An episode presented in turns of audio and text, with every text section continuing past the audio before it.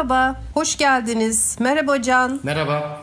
Merhaba İlkin. Merhaba Şule abla. Bu sezonun son bölümündeyiz. Bugün birazcık serbest konuşmayı düşünüyoruz. Yine kitap seçimi yaptık. Son bölümü buna ayırdık. Daha önceki sezonda da böyle yapmıştık. Her birimiz çok etkilendiğimiz 3 kitap seçtik. Bunlar üzerinden bir sohbet gerçekleştireceğiz. Bakalım neler olacak. Biz de doğaçlama gideceğiz bu programda. Ben açılışı yaptım. Sözü ilkine bırakıyorum. İlk kitabı nedir? Sırayla biz de kitaplarımızı tanıtacağız size. Buyur İlkincim.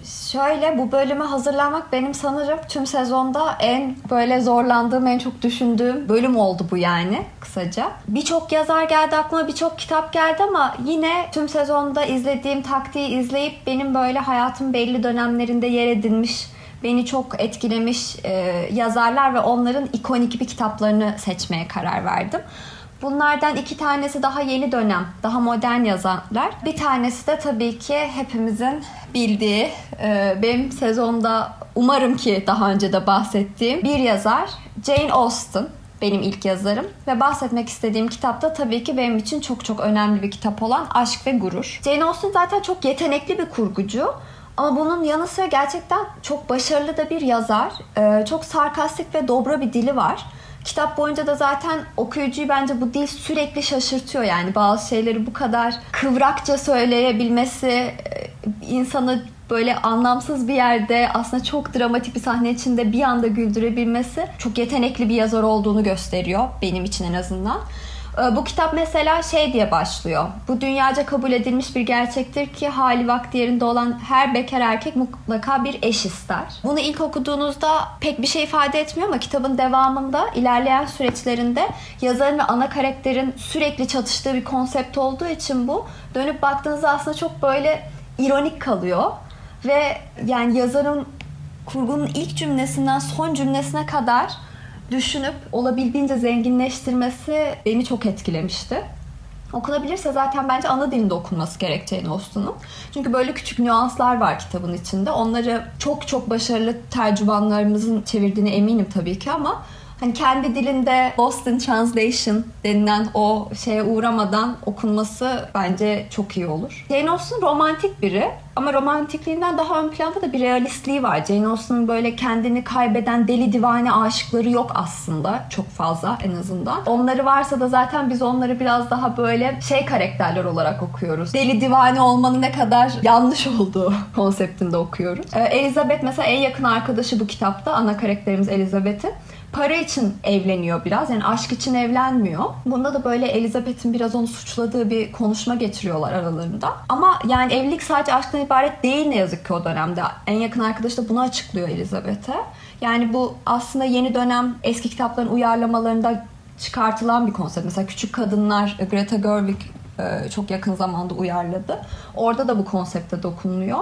Yani evlilik kadınlar için aşktan öte kaygılar taşıyor ne yazık ki. Belki hala böyle. Büyük ihtimalle hala böyle. Ama o dönemde özellikle evlilik dediğin şeyin yere basması gerekiyor. Jane Austen bunun farkında. Böyle tatsız ve romantizmi yoran gerçekler çerçevesinde çok pesimistliğe kaymadan da böyle muhteşem bir aşk hikayesi okuyorsunuz. Jane Austen zaten bu her romanda mevcut ama bence Aşk ve Gurur'da çok daha ön planda bu. Kendi hayat hikayesini de bence bu perspektifini çok etkilemiş. Ee, merak edenler için YouTube'da bir belgesel de var. Timeline diye bir kanalda. Who Was the Real Jane Austen diye çok da kısa bir belgesel. Ben çok sevmiştim. İlgisi olanlar izleyebilir. Onun dışında bir de yani kitap iki insanın aşık olması, birbirini değiştirmesi, birbirinden yavaş, böyle birbirinde yavaş yavaş yer edinmesi, aynı zamanda gururlarıyla verdikleri o böyle savaş üzerine gerçekten çok da e, ne denir? Etkileyici bir kitap.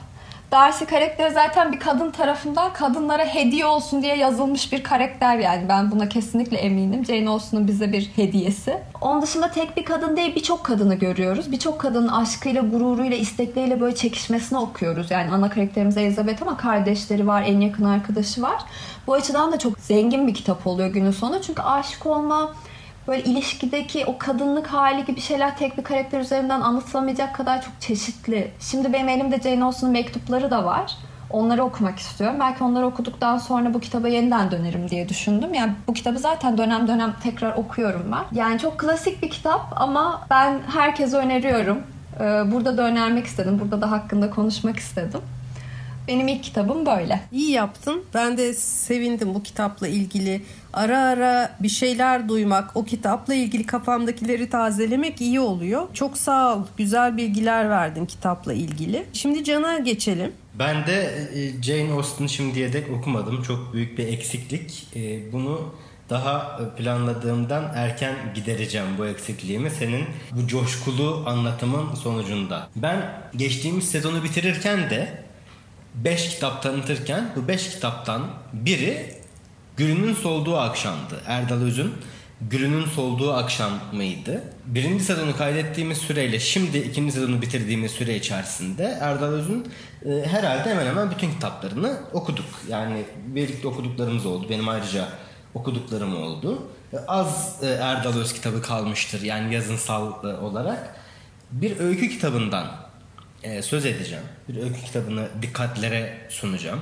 Çok da bilinen tabii ki e, bir öykü kitabı ama bazen e, gülünün solduğu akşamın gölgesinde kalabiliyor. Erdal Öz'ün diğer kitapları aslında hiçbiri daha önemsiz değil. Gülünün solduğu akşamdan. Kanayan'dan biraz söz edelim istedim. Kanayan Türkçenin neler yapabileceğinin, Türkçenin elinden nelerin geldiğinin çok iyi örneklendiği bir yapıt, bir kitap. Ben geçtiğimiz yıl yaz aylarında okudum. Ee, herhalde 2-3 saat içerisinde en fazla okudum. Çok büyük bir keyifle ve çok içim burularak okudum. Yani Erdal Öz'ün e, dilinde çok dolaysız bir güç var. Okuduğunuz zaman bir takım duyguyu size yansıtmak istediğinde bunu çok da zorlanmadan ya da zorlanmıyor gibi görünerek size yansıtabiliyor, aktarabiliyor ve e, çok hissediyorsunuz o, o kalemin arkasında nasıl bir duygunun, nasıl bir hissiyatın olduğunu hissediyorsunuz. Ve bu Erdal Öz'ün ustalığından kaynaklanıyor her şeyden önce. Kanayan'da benzer şeyler çevresinde dönen altı öykü var. E, bunların bazılarının beni daha çok vurduğunu, bazılarının çok vurduğunu hatırlıyorum. Özellikle kurt öyküsünün beni çok vurduğunu hatırlıyorum. Çünkü beni bilenler biliyor köpeklere ve kurtlara karşı e, özel bir ilgim, özel bir sevgim var. E, yanılmıyorsam yani e, geçtiğimiz yıl okudum çünkü kitabı da yanlış bir şey söylemek de istemiyorum.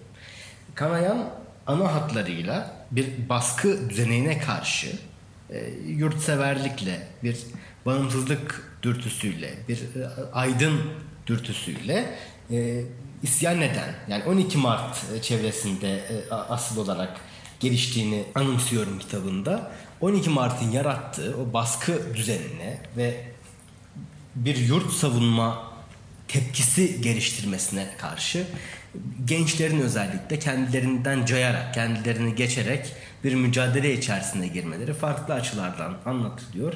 Bu hep vurguluyorum. Yani bir şeyin siyasi bir niteliğinin olması bir edebiyat yapıtının, bir yazınsal yapıtın onu öncelikle siyasi bir şey haline getirmemeli diye ve hem siyasi bir şeye değinip hem de çok iyi edebiyat yapabilmek, çok iyi yazınsal yapıtlar ortaya koyabilmek.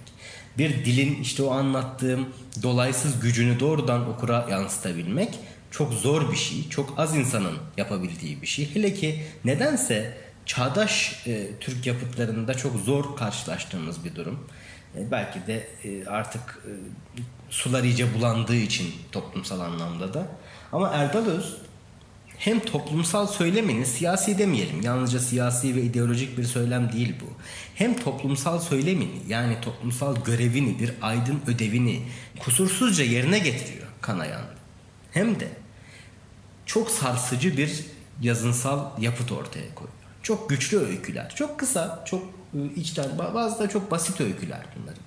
Ama e, iliklerinize de hissediyorsunuz. O e, yazarken onun duyduğunu da size vermek istediğini de bunu yaparken çok ciddi bir edebi derinlikle, edebi işlemeyle, edebi kıvraklıkla yaptığını da hissediyorsunuz.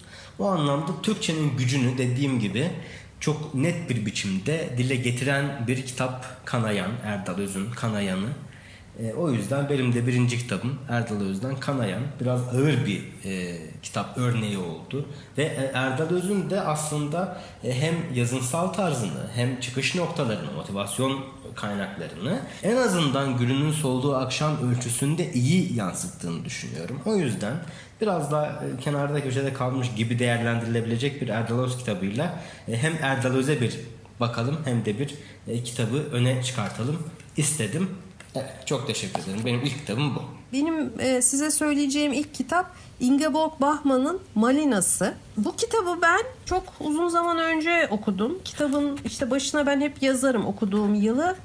E, 2005 yılında okumuşum yakın dönemde kitap kulübünde okuyacağım için 2021'de e, işte e, Mayıs ayında e, okudum ikinci kere. Geçen zamanla ben değiştiğim için kitaba bakış açım da değişti. Ben Ingeborg Bachmann'ın gerçi çok kitabını okudum. Şiirlerini okudum. Benim çok etkilendiğim bir yazar. 2005'te sadece Malina'yı okumuştum. Malina'dan o kadar etkilendim ki işte şiirlerini, radyo oyunlarını, yazılarını, onun söylediği şeyleri, söyleşilerini, birçok şeyi okumuştum. Yakın zamanda okuyunca kitabı tekrar bir e, onunla ilgili yazılanların elden geçirdim. Ne yapıyor, ne ediyor diye.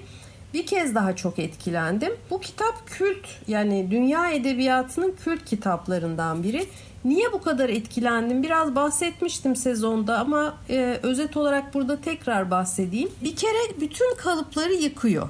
Öncelikle bizim tutunduğumuz kavramlar hani hayatımız boyunca aşkı bir yere koymuşuzdur. Savaşı, barışı, insanı, insan arası insanlar arası ilişkileri bir yerlere oturtmuşuzdur. Kafamızda bu kavramlara dair tanımlar belirmiştir, sıfatlar belirmiştir. Şimdi bu kitabı okuduğunuzda bunların hepsi yerli bir oluyor. Çünkü zaten kitap ölüm türü olarak, bir ölüm türü olarak aşkı ele alıyor.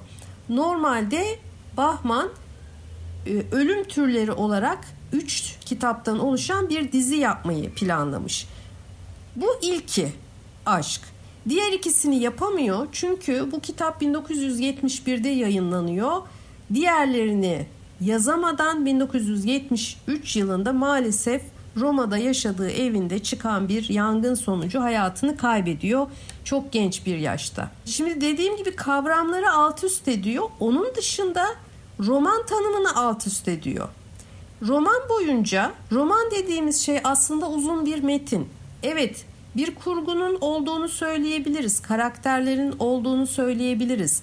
Bir zaman ve mekanın olduğunu söyleyebiliriz. Ama roman boyunca aslında gündelik hayatta geçen hiçbir şey yok. Tüm her şey kitabın ana kahramanı ben, ismi de olmayan bir kadın kahraman. Ben anlatıcı olarak her şeyi anlatıyor ve onun iç dünyasında yaşananlar. Dışarıda hiçbir şey olmuyor. Ama ben anlatıcının iç dünyasında cinayetler işleniyor, insanlar ölüyor, e, savaşlar oluyor, e, çok korkunç şeyler oluyor ve hayatımızda, gündelik hayatımızda geçen her şeyi, insana dair her şeyi bir romanın içinde eritmiş Bahman. Karakterler var diyorum ama karakterlerin de olup olmadığı ile ilgili bir soru işareti var. Çünkü Malina kitaba ismini veren Malina karakteri bir erkek ve aslında ben anlatıcının içindeki erkek yan. Sanki aynı evde yaşıyorlarmış, bir ev arkadaşıymış gibi kitabın içine zaman zaman giriyor. E, ama bu belirsiz. Kitabın üçüncü ana karakteri Ivan, ben anlatıcının sevgilisi. Fakat o da sadece belli şeyleri anlatmak için var olan bir karakter. Zaman zaman yok oluyor. Hepsi hayatımızdaki bir şeyleri temsil ediyorlar. Bu anlamda çok etkilendim. Asıl ana kahramanı bence romanın zaten dil.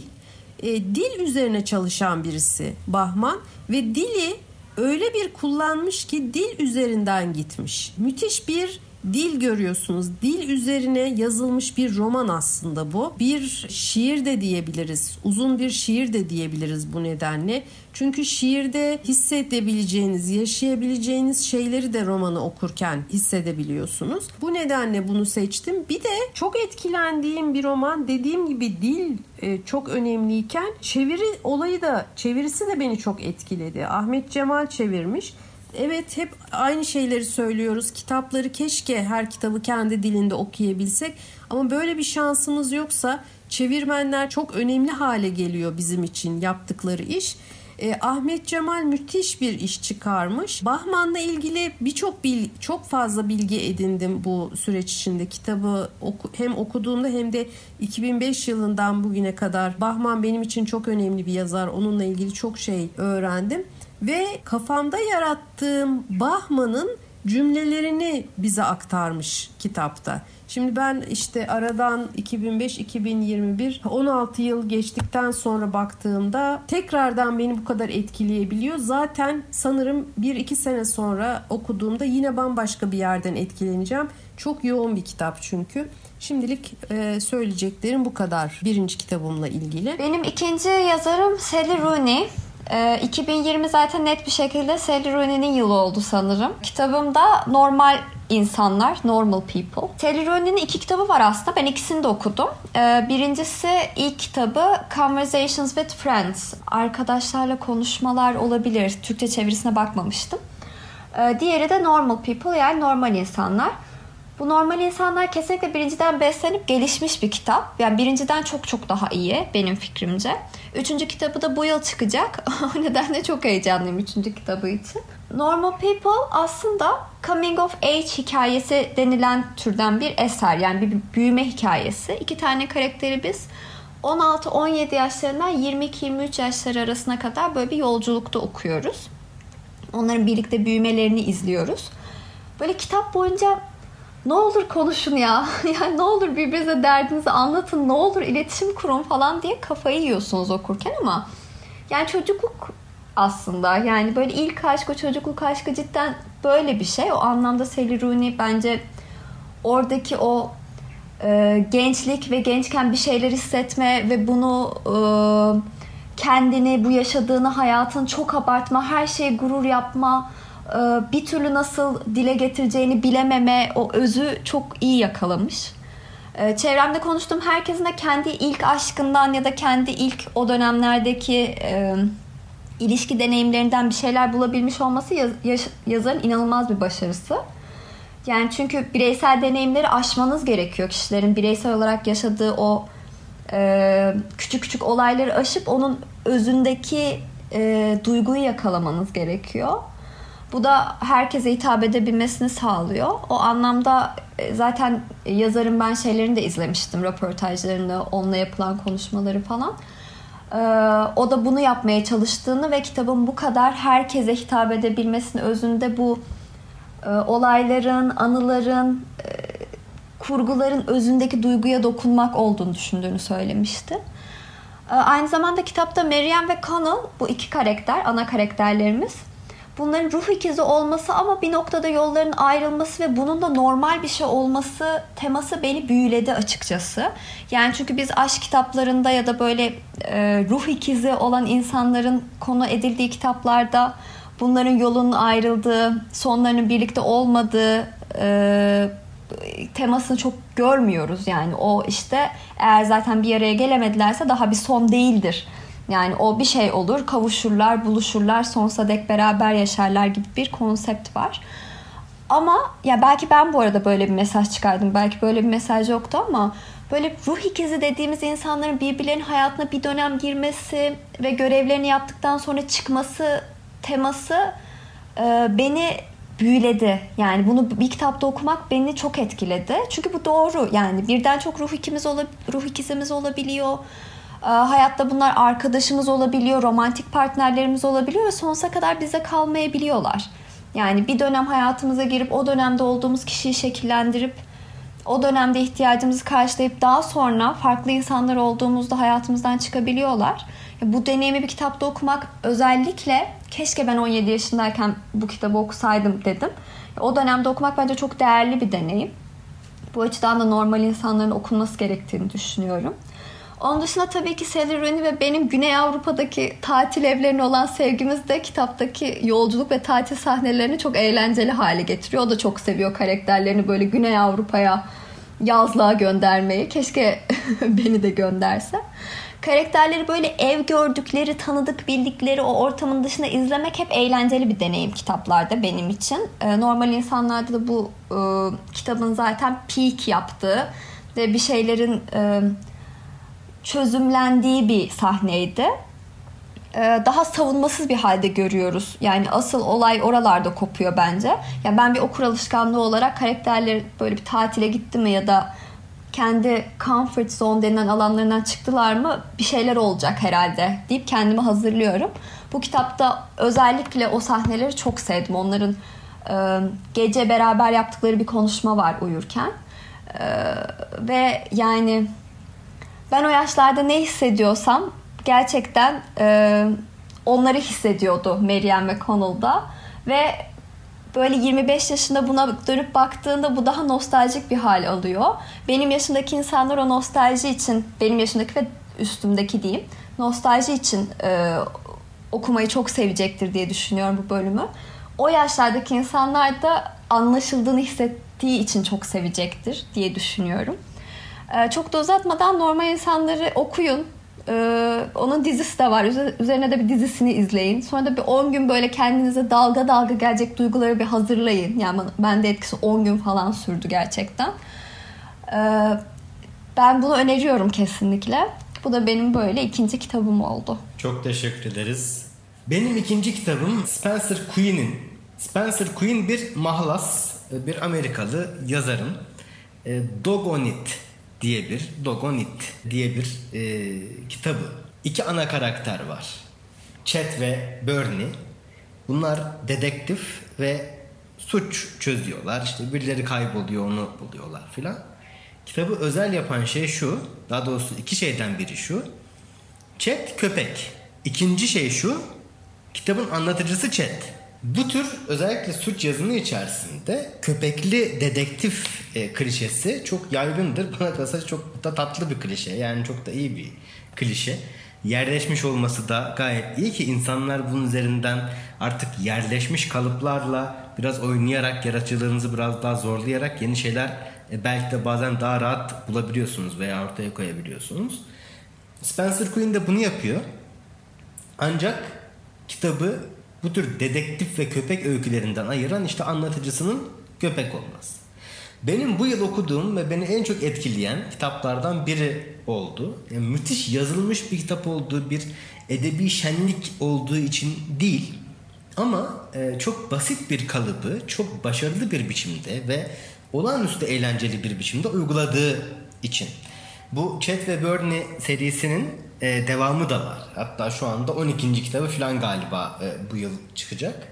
E, Türkçe'ye Yakala Chat diye e, hala bulabilirsiniz. Sahaflardan da bulabilirsiniz. Bazı internet sitelerinde de hatta e, sıfırında bulabilirsiniz.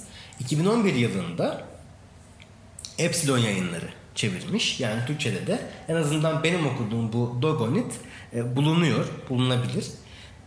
Bir suç konusunun, bir dedektiflik konusunun bir köpeğin gözünden ve köpeğin e, duygularıyla, onun öncelikleriyle yani basit bir örnek. Şimdi ciddi bir mevzu oluyor, bir kavga gürültü bir şey oluyor.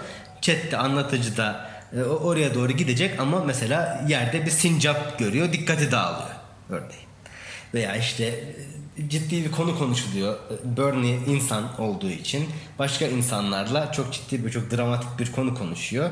Ama Chat kitabın anlatıcısı köpek olduğu için biz o konuşmanın içeriğini bir yerden sonra takip edemiyoruz. Çünkü Chat'in uykusu geliyor masanın altında uyuyor filan. Yani bu kalıpla bu biçimde çok basit biçimde oynamak ve bu kadar keyifli bir şey ortaya çıkartmak benim için e, bulunmaz nimet. Yani yapmaya çalışan çok kişi var. Hatta e, benim çok sevdiğim bu sezonda da geçtiğimiz sezonda da e, sıklıkla adını andığım Robert Crazen e, Suspect ve ondan sonra Promise diye iki kitaptan oluşan bir köpek ve dedektif Scott ve Maggie. Scott işte bir polis, Maggie de eski bir asker köpeği.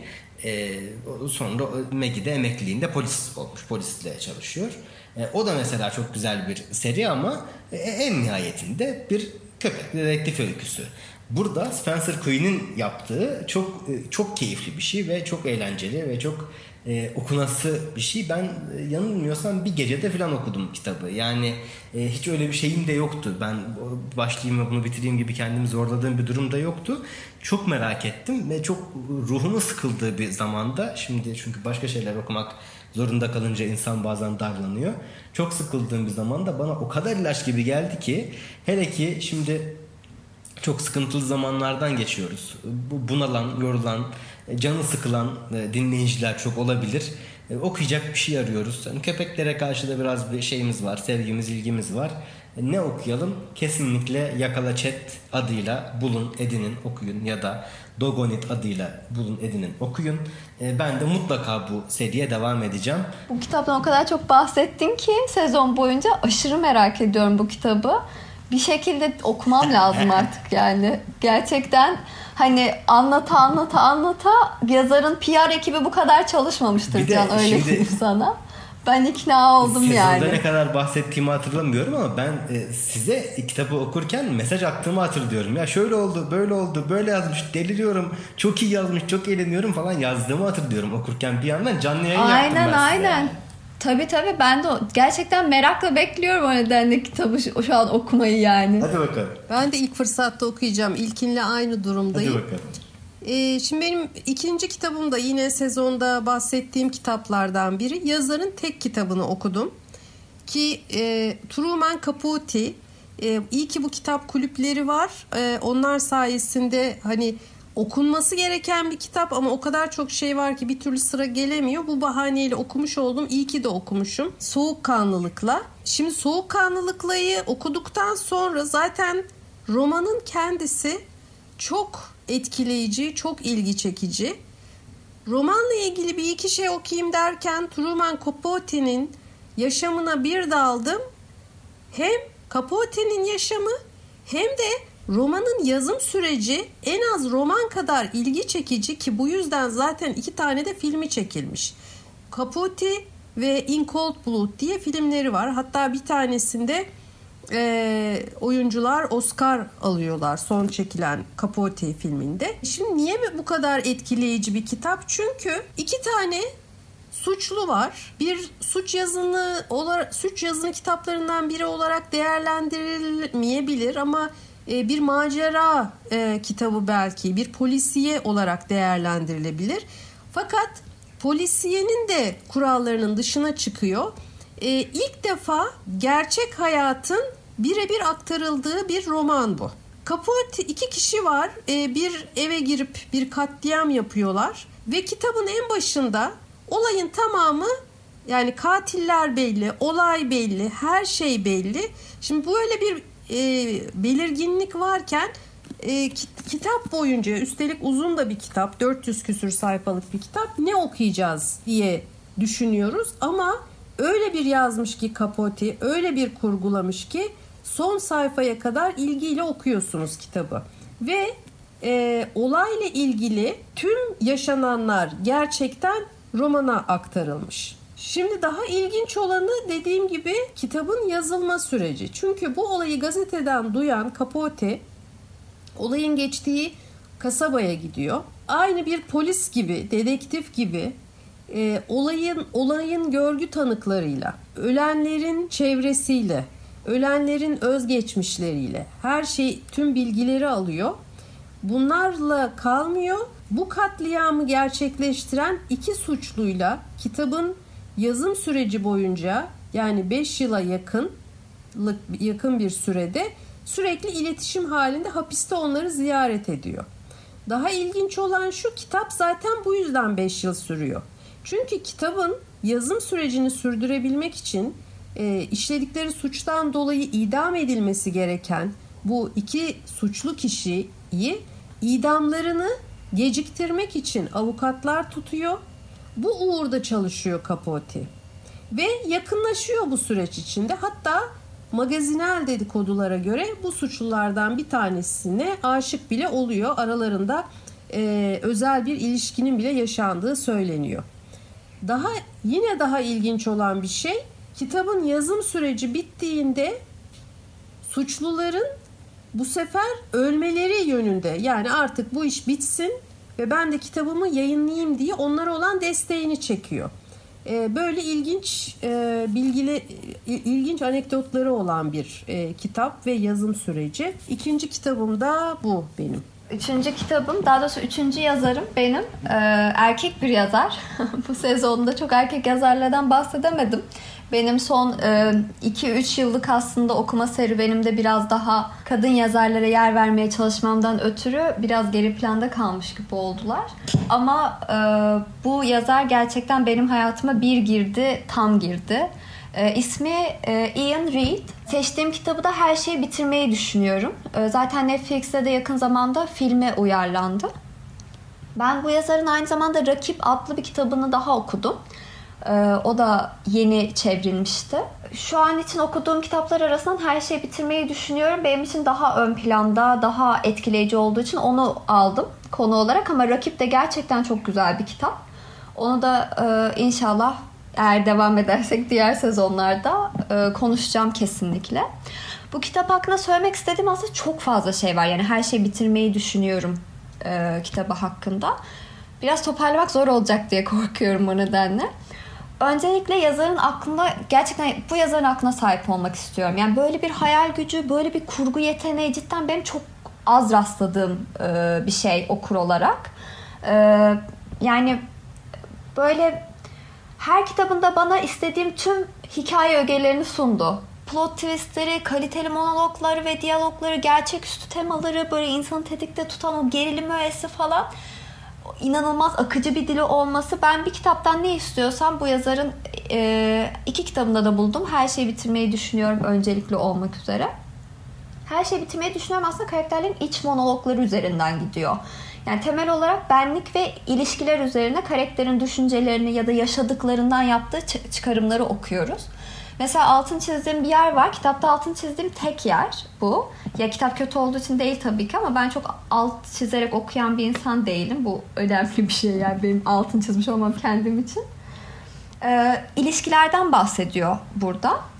Belli yapıların hayatı anlamamızı sağladığını sanırız. Yalnızca anlamamızı değil, bizi bir şekilde rahatlattığını da hayatımızın geri kalanını bir kişiyle birlikte geçirmemizin daha iyi olacağı düşüncesi varlığın temelindeki hakikatlerden biridir. Gerçek olmasını istediğimiz bir inançtır. Bunun için de diyor ki dinden ve Tanrı'dan farklı değildir. Yani şimdi haksızlık etmeyeyim. Hosea de Take Me to Church demişti zamanında ama ben bu e, kısmı okuyana kadar böyle insanın o en ilkel içgüdüsü olan inanma ihtiyacının günlük olarak yani bizim günlük yaşantımızda kendimizi ya da bir ilişki arayışımızı nasıl etkilediğini anlayamamıştım. İnsanın bir yaradana inanma ihtiyacı, temelden gelen o e, bir şeyleri e, takip etme, bir şeylere inanma ihtiyacının bizim aslında günün sonunda belki de ilişkili ilişki kurmamızın, bu ilişkileri devam ettirmemizin, bunlara ihtiyaç duymamızın temelinde olduğunu söylüyor. Ve bu böyle monolog içinde geçirdiği alelade bir düşünce gibi aslında ama çok vurucu. Kitap böyle yerlerle dolu. Bu anlamda bence yani hiç beklemediğiniz anda kitap size bir şeyle vuruyor. Ee, böyle bazı şeyler okuyunca aa evet diyorsunuz. Öyle anlar çok var yani demek istediğim aslında oydu. Tabii bu monologların arkasında da sürekli bir de olay ilerliyor. Bu olay da aslında bir çiftin e, erkeğin annesini ve babasını ziyarete gitmeleri üzerine e, bir olay ilerliyor. Onlar yoldayken başlıyor. Bu ziyarete gidiyorlar ve dönerken de bitiyor bu kitap. E, bu tabi e, olay aslında çok normal sıradan bir olay gibi ama kurguda sürekli çalan bir telefon var, zamanda atlayan insanlar var, sürekli belirip kaybolan öğeler var. Bu da böyle bir kabusun içinde olduğunuz hissinden kurtulamıyorsun. Sanki bu bir rüyaymış, bir kabusmuş gibi. Buna yönlendiren yani bunu bir rüya ya da kabus olduğuna yönlendiren hiçbir şey yok ama bana o hani e, uyurken kabusta olduğunuzu anladığınız ya yani bu bir kabus dediğiniz anı hatırlattı. Sürekli o anın içinde olmak insanı böyle bir tetikte de tutuyor ama bırakamıyorsunuz da kitabı gerçekten. Ee, en sona kadar bu arada ne olduğunu anlayabilmem benim mümkün değildi. Eğer okuyanlar arasından anlayan varsa gerçekten helal olsun. Ben sonda inanılmaz bir şok yaşadım bu nedenle. Tabii ki bunu söyleyip şu an e, sizin için bu deneyimi e, tatsızlaştırmayacağım ama yani okuduğum en e, ilginç sonlardan biriydi büyük ihtimalle. Çoğu zaman mesela kaybolduğunuzu hissediyorsunuz. Ben kitaplarda kaybolmayı çok sevmem ama bu kitapta kaybolmayı sevdim. Yani bu kitabın içinde kaybolmam benim o kabusumsu, rüyamsı kurgunun içine daha da girmemi sağladı. Yani bu bence yazarın bir teknik olarak inanılmaz bir yeteneği olduğunu düşünüyorum. Yani dili inanılmaz bir e, inanılmaz kullanımı sayesinde yaşayabildiğim bir deneyim olduğunu düşünüyorum daha doğrusu. E, her şeyi bitirmeyi düşünüyorum. E, filmi de bu arada çok güzeldi. E, kitapla film arasında ciddi farklılıklar var onu söylemem lazım. Bana sorarsanız ben kitabı bir tık daha fazla sevdim. Ama o ayrılıklardan ötürü aslında film başka bir esermiş gibi de değerlendirilebilir o noktada ve çok da güzel bir film olur. Ee, ama kitabım filmi mi derseniz kitabı derdim. Benim üçüncü yazarım da Ian Reid ve üçüncü kitabımda her şeyi bitirmeyi düşünüyorum oldu böylece. Ben son kitabımı seçmekte çok kararsız kaldım. Hem yani hangi yazarla ilgili konuşayım hem de o yazarın hangi kitabıyla ilgili konuşayım noktalarında çok kararsız kaldım. Ve geçtiğimiz sezonda çok adını anmadığım, daha doğrusu yeterince anmadığım, e, önemsediğim ölçüde adını anmadığım bir yazardan söz edeyim istedim. Şimdi beni sosyal medyadan takip edenler varsa e, bu yazarla ilgili mutlaka bir şeyler görmüşlerdir benim paylaşımlarımda. E, CJ Box'tan söz ediyorum. CJ Box e, Amerikalı, Amerika'nın Wyoming eyaletinde yaşayan bir e, yazar, bir suç yazarı. Onun da geçtiğimiz sezon söz ettim kitaplarından ancak bu kadar ayrıntılı söz etmediğimi düşünüyorum ve içim rahat etmedi. Ee, bir adam akıllı bir konuşalım istedim. Kitaplarıyla ilgili ve serisiyle ilgili. Joe Pickett serisi CJ Box'ın asıl her yıl sürdürdüğü yeni kitaplarını yazdığı e, seri. Joe Pickett bir av denetmeni, av müdürü ya da Wyoming eyaletinde e, sanıyorum e, öyle bir şey var mı bir makam var mı Türkiye'de uygulamalı olarak çok bilmiyorum ama Amerika'da yaygın çünkü Amerika'da işte avcılık, e, büyük hayvanların avlanması filan bizden biraz daha e, sık uygulanan ve insanların bir şeyler avlayıp ondan sonra onu yedikleri filan bir yer. Türkiye'de de var mutlaka ama bizde kuş avcılığı benim bildiğim kadarıyla daha yaygın. Joe Pickett serisi aslında çok benim ilgileneceğim türden bir seri değildi. Yani ben ilk kitabı aldığımda çok övüldüğü için ve çok sevildiği için merak edip almıştım. Böyle bir bağ kuracağını, bu ölçüde bu seriyi, karakterleri ve CJ Box'ın yazım tarzını seveceğimi hiç açıkçası düşünmemiştim. Beni de çok şaşırttı. İlk e, kitabın adı e, Open Season, e, av mevsimi ya da öyle çevirebiliriz belki. Şimdi Türkçe'de bazı Joe Pickett kitapları çevrilmiş ancak belli ki e, şeydeki Amerika'daki CJ Box'ın ajansı e, kitaplar çıktıkça e, yıllık bültenler veya işte belli e, aralıklarla gönderdikleri bültenlerde CJ Box'ın yeni kitabı çıkıyor diye duyurmuşlar ve bizim belli yayın evlerimizde ha ne kadar güzel deyip o kitapları alıp yayınlamışlar. Ancak serinin e, başı sonu bildiğim kadarıyla Türkiye'de düzgün bir biçimde yayınlanmış değil.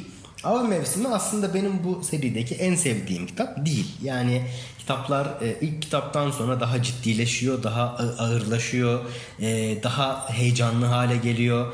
E, risk artıyor, tehlike artıyor, karakterlerin karşı karşıya kaldığı güçlükler derinleşiyor. Ama hangisinden söz edeyim? Burada hangisini tanıtmak daha anlamlı olur diye düşündüğüm zaman Open Season'ı geçemedim açıkçası. Open Season aslında bir aynı zamanda aile romanı çünkü. Aslında o açıdan da benim çok seveceğim bir kitap değil. Yani baktığım zaman dışarıdan ha evet bir bakayım deyip ondan sonra da evet baktım ve çok hoşnut kalmadım dediğim herhangi bir kitap olacağını sanıyordum. Hiç öyle olmadı. Çünkü çok basit başlıyor CJ Box'ın kitapları hep. Yani çok basit. Hiçbir karakter çok iddialı değil. Hiç kimse Süpermen değil. Yani en azından ilk kitaplarda hiç kimse Süpermen değil. Sonra biraz daha e, karakterler gelecek. E, hiç kimse dünyanın bütün sırlarını çözmüş çok tehlikeli karakterler değil. Yani örneğin şeyden söz ettim geçtiğimiz sezonda karakter bölümünde Lee Child'ın ünlü karakteri işte Jack Reacher'dan söz ettim. Yani Jack Reacher tehlikeli bir adam. Yani gördüğünüz zaman zaten işte 2 metre 2,5 metre bir adam. Ee, iddialı bir karakter. E, Joe Pickett hiç iddialı bir karakter değil. İyi nişancı değil. hırslı bir adam değil. İşte az maaşla bu av müdürlüğünü, av denetmenliğini yapıyor. Geçim sıkıntısı çekiyor. E, karısını işte çok seviyor, ailesini çok seviyor. İki tane kızı var. E, o eşi çalışıyor, kızlar okula gidiyor, çocuk falan. Yani o aile ortamını çok canlı bir biçimde okura yansıtıyor CJ Box.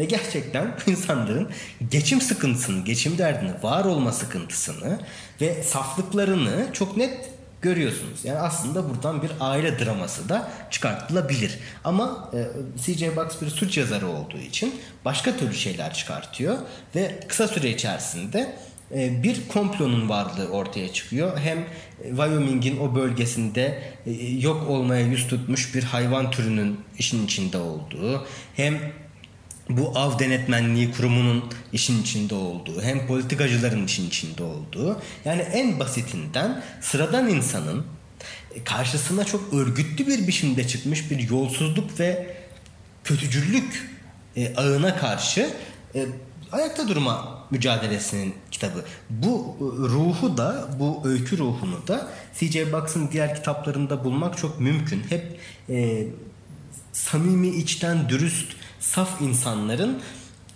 içten pazarlıklı, çıkarcı, politikacı ve güçlü elinde finansal gücü de bulunduran insanlara karşı e, yani sınıfsal bir kitap değil, toplumsal gerçekçi falan kitaplar değil bunlar. Öyle bir görev yüklemek istemiyorum ama hep o adaletsizlik, o eşitsizlik, o haksızlık duygusuna karşı adalet duygusunun o, ortaya konduğu ve işte hiç de iddialı olmayan karakterlerin zorlandıkları zaman ayakta kalmak için, sağ kalmak için ve bazen de bir takım ilkelerden vazgeçmemek için çok ciddi mücadeleler verdikleri bir e, seri haline geliyor. E, Joe Pickett serisi. O anlamda da benim için çok keyifli, çok önemli. Aynı zamanda suç yazınının e, yalnızca yazınsal zevkin ötesine geçen bazı söyleminin bir takım e, ne diyelim anlatılarının ortaya çıkması için de çok uygun ve benim e, Open Season'da en çok sevdiğim şey o başlangıçtaki iddiasızlık, o başlangıçtaki e, ne diyelim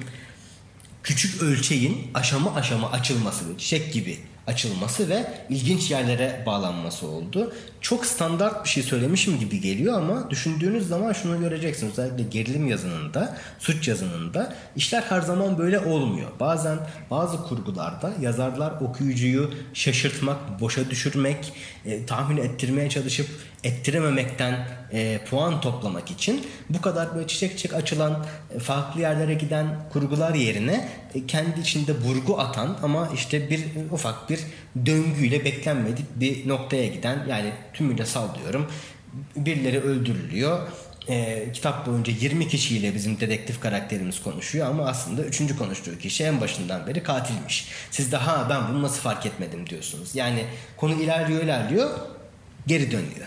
Böylece sizin çevrenizde bir burgu atıp başınızı döndürmek hedefleniyor. Çok iyi uygulandığı kitaplar var.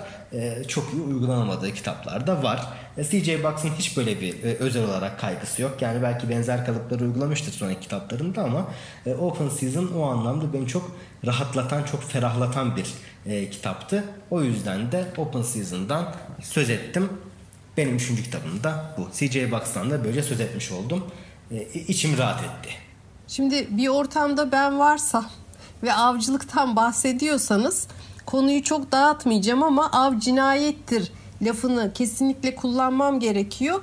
Ee, sen mesela anlatırken ıı, kitapta bu kitabı okumadım ben ama kitapta geçen hani e, avcılığın e, sistematik biçimde yapılması, bir kurumun olması, kurallarının olması, e, işte soyu tükenenleri bir, bir gruplama, e, tükenmekte olanları hatta soyu tükenmesi soyu tükenmesi değil de sayıları fazla olduğu için avcılığı daha da makbul hale getiren bazı kurallar var falan.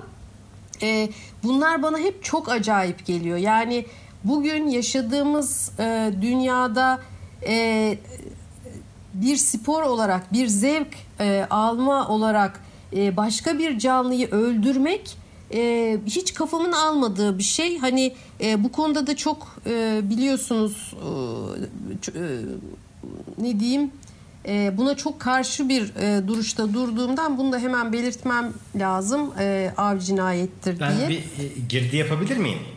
Tabii ki. CJ Box da bu tür e, duyarlılıkları tanıyan bir Wyomingli.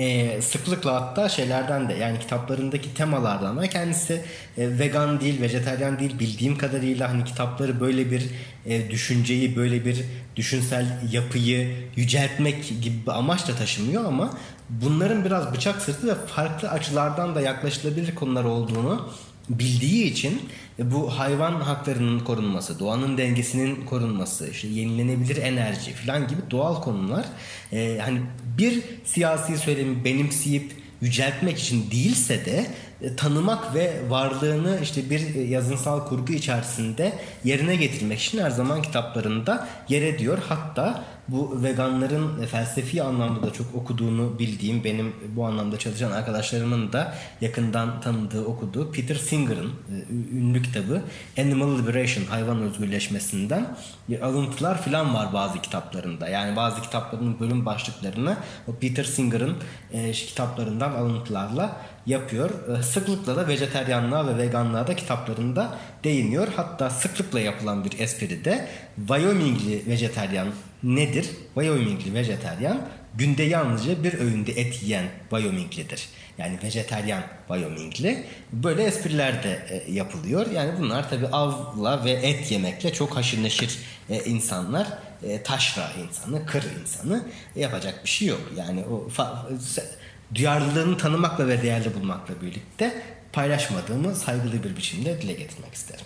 Bunu tahmin ettim zaten çünkü şöyle güzel bir durum söz konusu. Bugün artık e, birçok sanat dalında olduğu gibi edebiyatta da e, çok yaygın bir duyarlılık var. E, yazılan tüm kitaplarda kurgunun bir parçası olarak av, hayvanların öldürülmesi, işte et yemek, yememek gibi meseleler kurgunun bir parçası olarak çok iyi bir biçimde yer alıyor kitaplarda, e, eserlerin içinde. Bu da iyi bir haber aslında. E, bu konuya da değinmiş olalım. Benim üçüncü kitabım Ahmet Hamdi Tanpınar'ın Huzuru. Tanpınar'ın da bu okuduğum ikinci kitabı. E, Saatleri Ayarlama Enstitüsü'nü okumuştum. Yine bu kulüpler sayesinde Huzuru e, okudum hiç beklemediğim bir şeyle karşılaştım. O kadar etkilendim. O kadar keyif aldım. Ee, o kadar demin e, ilkin bir kitap için kitabın içinde kaybolmaktan bahsetmişti. E, ben de bu kitabın içinde kayboldum ve kaybolmaktan ve bu kitabı çok keyif aldım. O e, bu kitabın içinden de hiç çıkmak istemedim. Fethi Naci şöyle bir şey söylemiş. Bir kitabın e, ne kadar iyi olduğu ile ilgili aslında en önemli birçok ölçüt var ama en önemli ölçüt bir kitabı bitirdiğinizde onu tekrar okuma isteği duymanızdır gibi bir cümle kullanmış. Bu kitap için geçerli. Bu kitap hiç bitmesin istedim. Bittiğinde de o kadar haz aldım ki bu kitabı okumaktan. Hani tekrar baştan tekrar o dünyanın içine gireyim istemiştim. E, neden böyle hissettim? E, Tanpınar'ın bu kadar güzel bir dili olduğunu bilmiyordum ben. Saatleri Ayarlama Enstitüsü'nde de çok özel bir dil var. O da çok iyi bir kitap. Okurken ondan da çok keyif almıştım. Ama burada e, Tanpınar cümleleri nasıl kuruyorsa bir masalın içinde ilerledim. Yani beni kitabın dünyasının içine çekti. O kurduğu dünyanın içinde yazarla birlikte ilerledim. Dil muhteşem. Büyük bir edebi tat alarak ilerliyorsunuz. Kurgu muhteşem, son derece zekice, son derece titizlikle işlenmiş. E, kitapta ne bir eksik ne bir fazla görüyorsunuz. Dört ana bölümden oluşuyor. Dört ana karakterinin ismi olan İhsan, Nuran, Mümtaz ve Suat e, kitabın ana kahramanları. E, her bölüm onların isimleriyle dört bölüm e, isimlendirilmiş. E, kitap bir de çok fazla şeyi içeriyor. E, bir aşk romanı, Mümtaz ve Nuran arasında geçen bir aşk romanı. Ama biz aynı zamanda bir İstanbul romanı okuyoruz. Aynı zamanda bir Doğu Batı sorunsalını okuyoruz. E, Türkiye'yi okuyoruz. E, Türk kültürünü okuyoruz.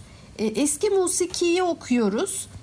E, sanat okuyoruz. Estetik okuyoruz insana dair, insan ilişkilerine dair şeyleri okuyoruz. Şimdi kitabın huzur e, ismi e, kitap boyunca aslında biz bir huzursuzluğu okuyoruz. Yani her insan huzurun peşinde ilerliyor. O huzuru arama sürecini, bir insanın içindeki huzuru arama sürecini bu kitaba aktarmış aslında Tanpınar. Ama bu süreç huzursuzlukla dolu bir süreç aslında. Yani insanı o kadar güzel anlatmış ki e, e, o çelişkilerini, mutluluk ve mutsuzluk, başarı ve başarısızlık, iyi ve kötü kavramlarını e, bir insanın içinde olan her şeyi de bu kurgunun içine yedirmiş. E, ben e, bu kitabı okudu okuyana kadar e, yaşadığımız şu dünya süreç özellikle de pandeminin etkisiyle e, ülkemizde yaşanan e, çok inişli çıkışlı gündemle e, birçok şeyi o kadar uzaklaş birçok şeyden o kadar çok uzaklaşmışım. E, birçok değerin e, kıymetini e, o, o kadar unutmuşum ki bu kitapla birlikte ben tekrar onları hatırladım. E, uzaklaşmışım birçok şeyden insana tekrar yakınlaştım. Türkiye'ye tekrar yakınlaştım. İstanbul'a tekrar yakınlaştım. E, Türk kültürüne tekrar yakınlaştım. Bir yakınlığım yoktu. Bu Dede Efendi'nin, Itri'nin, e, o e, eski Türk müziğinin, musikisinin e, eserleriyle bir yakınlaşmam oldu bu kitap sayesinde. Ya hiç böyle bir yakınlaşma duyacağımı düşünmemiştim. Çünkü o kadar güzel anlatıyor ki yani müziği duyuyorsunuz o anlattığında. Tanpınar'ın anlatımına baktığınızda İstanbul'un içinde ilerliyorsunuz. Aşk tanımı e, dünya edebiyatına geçmiş kült aşk romanlarıyla e, boy ölçüşecek e, seviyede bir e, romandan bahsediyoruz. Tüm bunlardan dolayı çok uzatmayacağım. E, kitabı çok beğendim. E, şiddetle tavsiye ediyorum herkese. Muhakkak okunması gerek diye düşünüyorum. Evet çok teşekkür ederim. Ben çok keyif aldım. Ee, çok benim için önemli kitaplardan ve üzerine konuşmak istediğim kitaplardan söz ettim. Ee, ilkinin senin Şule abla söz ettiğiniz kitapları dinlemekten e, çok keyif aldım. Özellikle e, Sally Rooney ile ilgili hep benim bir aklımdaydı hatta Normal People elimde de var e, okuyacağım okuyacağım diye erteliyorum. E, ama ilkinin bu e, coşkusu, e, sevgisi de beni çok heyecanlandırdı. Çok keyif aldım. Ben kitapla ilgili, edebiyatla ilgili heyecanlı yapılan konuşmadan e, bazen kitaptan aldığım kadar keyif alıyorum. E, bu düşünceyle zaten böyle bir podcast düşüncesi ortaya çıktı ve şimdi artık ikinci sezonunda tamamladık, bitirdik. Çok şeyden söz ettik, güzel şeylerden söz ettik. Umarız dinleyen herkes de her bölümde söz ettiğimiz, sohbetini yaptığımız farklı konularla ilgili bizim aldığımız ölçüde en azından keyif almıştır. Ve çok mutlu oluruz bundan. Sizlere bana eşlik ettiğiniz için, beni dinlediğiniz için, bu deneyimi benimle paylaştığınız için çok teşekkür ederim. Dinleyicilere yine aynı şekilde bu deneyimi bizimle paylaştıkları için çok teşekkür ederim. Bir uzun sohbetin daha sonuna gelmiş olduk altı üstü kitapta. Biz çünkü her sezonu birer uzun sohbet gibi kafamızda kurguluyoruz.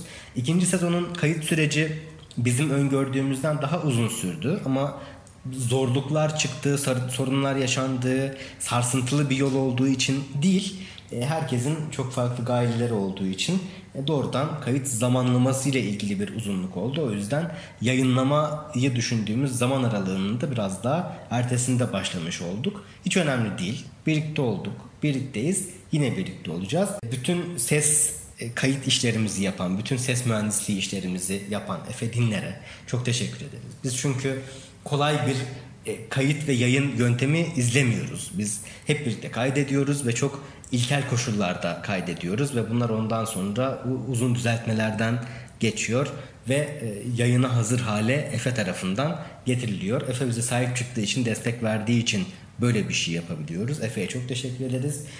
Aynı zamanda Altı Podcast'in ve Altı kitabın bütün görsel tasarımını ve kimliğini yapan Ece Gülsayın'a da çok teşekkür ederiz. E, Efe ve Ece olmasaydı zaten bizim yaptığımız işte dımdızlak kalırdı hatta hiç olmazdı. O yüzden onlara da çok teşekkür ederiz. Dinleyicilere de çok teşekkür ederiz. Ben gerçekten bu 8 bölümden inanılmaz keyif aldım. Yani benim için e, çok güzel bir deneyimdi. Bunu zaten e, yani Can'la ve Şule ablayla biz hep yapıyorduk bu konuşmaları ama sizlere açmak bu konuşmaları, diğer insanları da buna dahil etmek ve kendimi de e, belki daha büyük bir yerde ifade etmek benim için çok yeni bir şey. E, çok heyecanlandım zaman zaman, çok e, etkilendim. Çok farklı şeyler fark ettim, çok şey öğrendim aynı zamanda. Ben e, bu ikinci sezonun bir parçası olmaktan gerçekten çok mutluyum. E, çok da e, onore olmuş durumdayım beni aranıza aldığınız için. Biz, Burada biz bunu da sizlere dedik. Ne demek olur mu öyle şey? O, o onur bizim. Bilmukabe. Ee, yani yeni işlerde görüşmek üzere. Ben yapacağımız her şey için de çok heyecanlıyım. O nedenle e, beklemede kalın diyorum. E, bizi dinlediğiniz için teşekkür ederiz. Bu konuşmanın bir parçası olduğunuz için teşekkür ederiz.